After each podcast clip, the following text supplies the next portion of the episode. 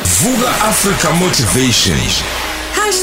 #ukhozi FM VABS Angibingelele kusigqemeza ngibingelele kumrosa ngibingelele studio umlaleli ukhoze FM simbonga uNkulunkulu masisabona izinsuku ziqhubeka kanje sikholwa ukuthi mhlawumbe unyaka siyohlukanisa kamnandi singabantu bakithi eningizimu Afrika. Kade sagcina ukuthola ukukhululeka. Sibingelelane sikhonza uNkulunkulu endlela esimkhonza ngayo. Senze izinto zethu nje ngiyacela ama-Afrika amahle. Singakuthathi ngesandla esisodwa. Lokho esikubonayo sikuthathe ngesandla sombili siyazi siku level 1 kodwa ke bengifisa namhlanje nje ukuthi masivuke ekseni ngeke ngikhulume ngento eyodwa eyodala ukuthi kulunge izinto zakho.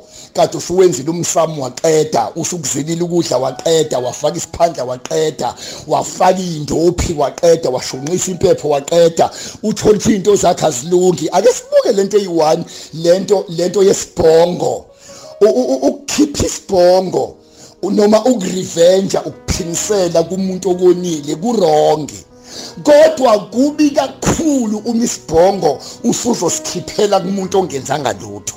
Angiphinde futhi umuntu wakithi esahlele emotweni ehlele etekisini elalela embedeni ukuyiphiniselela kurongo ukusiphiniselela kodwa kubi kakhulu ukuphinisela kubantu abengenzanga lutho. Ngizothi mlalelo cause FM into esibambile emhlabeni abantu banamagqubu abangadilanga nawo. Abantu babanjwe isibhongo abantu banesibhongo abafuna usikhipha kodwa basikhiphela kubantu abaronge.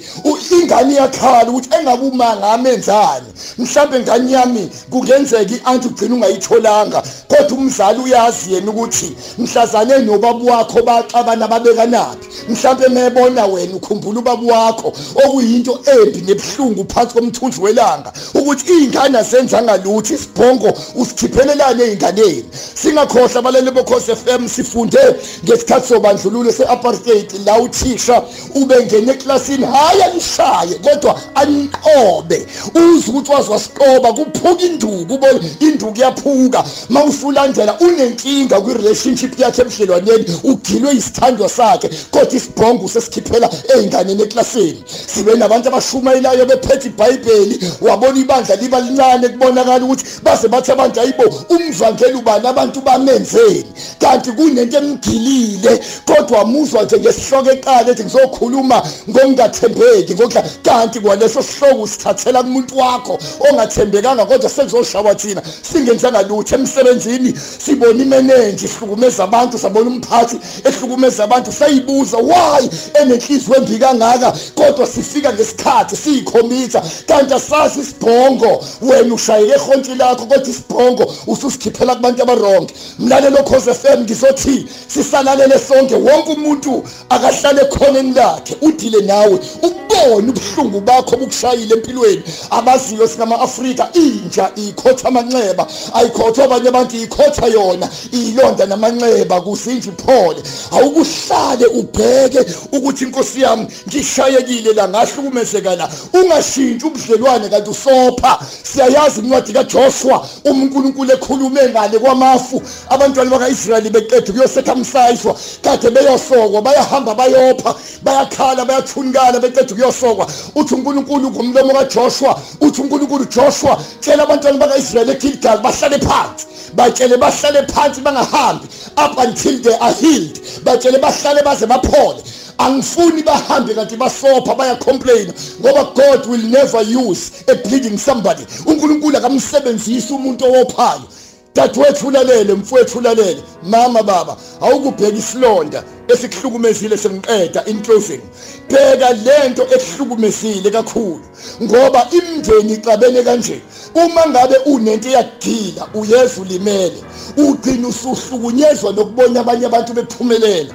Siyibuze samenzani usibanibani waqhamuka abantu bashawa uvalo. Kanti wena uyazi wagileka la kodwa awupholanga. Ngizothi wonke umuntu awukuhlala uphole. Sinabantu kuthiwa womaligadu abarephe ingane zabantu babulala ingane zabantu phansi komthunzi welanga inyanga zafisa kwezilwane mawulandela omaligathu ababulala amantombazane. Wadilwa igirlfriend yakhe kodwa isibhongo sesikhiphela kubantu abaronke namhlanje uzolobola umuntu uyolobola umuntu kanti ulobola umkhovu osukulikule ukuthi amadoda izinja. Wena wazi uyolobola umuntu osho njalo uyolotsholwa umuntu othiwa abantu besifazana ngibacabangi ngisothi mlalelo cause FM inhlozi ngisengivala wonke umuntu awudile nesilonda qondana nesilonda esakulimaza empilweni. Musa ukhipha isibhongo usikhiphele ey'nganeni zakho kanti wadile ubaba oyingane. Musa ukhipha isibhongo kubasebenzi kanti uyazi wadilwa yini. Musa ukhipha isibhongo komakhelwane kanti kunento yakulimaza. Abafuna sixoxe uyazi unesilonda esisehontshe esikulimazile sike sithandazelane.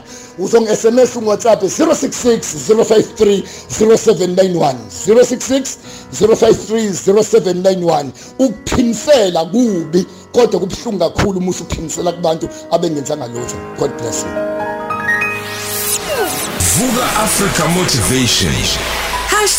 #ukhozi FM VABS